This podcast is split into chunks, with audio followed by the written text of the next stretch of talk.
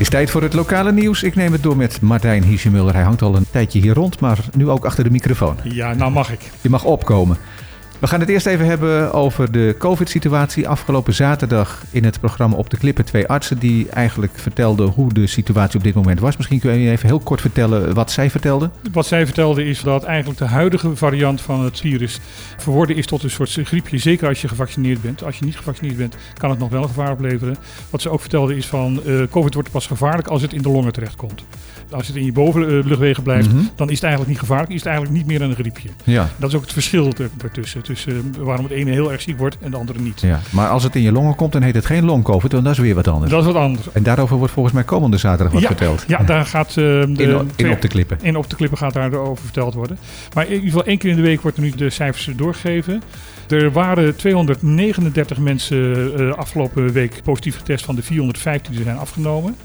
Maar er zijn hier zoveel mensen ook genezen verklaard dat er maar een stijging van 3 geweest is. Dus we zitten nu op 163 actieve gevallen. Ja, hoe zit dat op de andere BES-eilanden? Nou, op Saba is er op dit moment een grote stijging. Uh, dat zou schrikken zijn, maar ook daar weinig mensen in het ziekenhuis, weinig mensen die echt extra medische zorg nodig hebben. Dus ook daar maken ze zich niet echt heel erg ongerust. Ja, Afgelopen weekend was het mis. De politie moest optreden op straat. Er werd zelfs geschoten. Ja, de gezaghebber heeft daar zaterdag ook wel even een en over gezegd. Die zegt van het is uh, zorgwekkend dat er steeds meer verzet is tegen politie.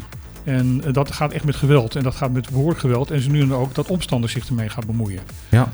En de agenten zaterdag in de binnenstad, het centrumgebied, waren dermate in nauw gedreven dat zij zich genoodzaakt hebben gevoeld om uh, waarschuwingsschoten te lossen en pepperspray te gebruiken. Dat doen ze ook niet snel. Dat doen ze niet snel, want de impact van pepperspray is groot.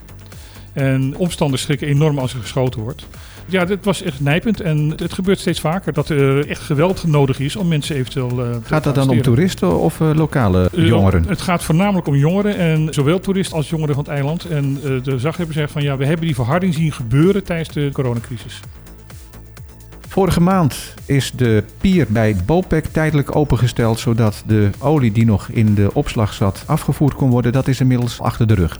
Nou, nog niet helemaal achter de rug, want er zit nog in. Maar het grootste gedeelte is nu overgepompt. Uh, 220.000 vaten heet dat. Hoeveel zit er in een vat, weet jij dat? Oeh, ik, dat, ik, ik, zie dat zo voor me dan zo'n vat. En denk ja, hoeveel, ja, is, hoeveel liter zal er dan in zitten? Zo, ja, het, is, het, gaat in gallons dan. In gallons. Maar het is veel en uh, ik heb begrepen dat de waarde ervan in de miljoenen loopt. Oké. Okay. Dus het meeste is nu weg? Het meeste is nu weg en ze hebben een reparatie aangebracht in één stijger. En de installaties die erbij horen, daardoor mocht het nu. En ja, er begint steeds meer een soort ontwikkeling af te tekenen. Dat ze het geld wat nu aan de olie is verkocht, gaan proberen te gebruiken om de zaak weer te repareren. Waardoor er geen nieuwe pieren gebouwd meer hoeven te worden. Overigens heb ik begrepen dat de olie die nu is afgevoerd naar Rotterdam is vertrokken. Die is, die is naar Rotterdam gegaan, ja. ja. Nou, daar komt het vast van pas met de brandstofcrisis.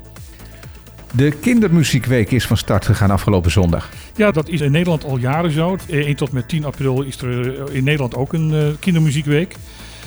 De reden ervoor is dat er gezegd wordt dat uh, kinderen eigenlijk niet naar volwassenen muziek moeten luisteren. Omdat ze daar ja, de verkeerde woorden en de verkeerde dingen mee krijgen. Ja.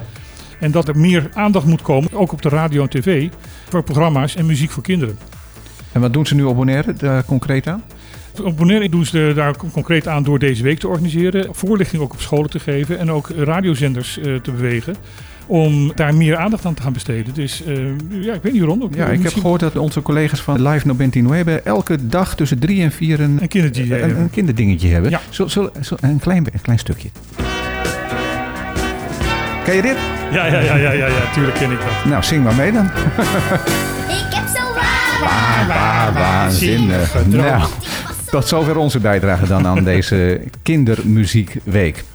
Er gaat bijna geen dag voorbij of het TCB organiseert wel iets. Vandaag uh, hebben we in het nieuws de Speed Meet. Wat houdt dat in? Het is voornamelijk uh, georganiseerd trouwens door Prins Trabouw. TCB doet eraan mee. Oké. Okay. Uh, het is de tweede keer dat ze dit gaan organiseren. 22 april is zover. Mensen die werk zoeken worden in contact gebracht met mensen die arbeiders zoeken. En dat is voornamelijk in de toeristenindustrie. De vorige keer is dat heel succesvol geweest. Toen hebben 22 werkgevers daar aan meegewerkt. En toen zijn zes kandidaten direct aangenomen en 37 afspraken gemaakt voor vervolggesprekken.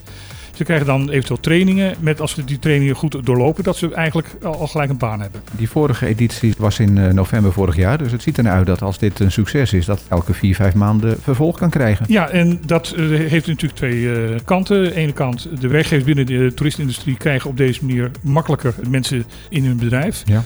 En mensen die werk zoeken, komen in contact met mensen waar ze normaal gesproken niet zo makkelijk in contact zouden komen. Nou, ik heb een e-mailadres waar je eventueel jezelf nog kunt aanmelden. Dat is speedmeet.planchiditrabao.com.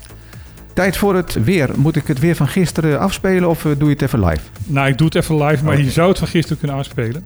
Eh, het is half bewolkt en overwegend droog. Er is vanochtend hier en daar wel een buitje gevallen. Ja, maar dat, heb ik, eh, inderdaad, ja, dat, dat, dat stelt niet veel voor. Maximaal eh, 30 graden, minimaal eh, 26 graden. De wind is nog steeds eh, 4 tot 5 met uitschieters naar 6. En dat zal de de komende dagen ook waarschijnlijk zo blijven. Oké, ik dank je hartelijk. Tot morgen weer. Nee, niet tot morgen.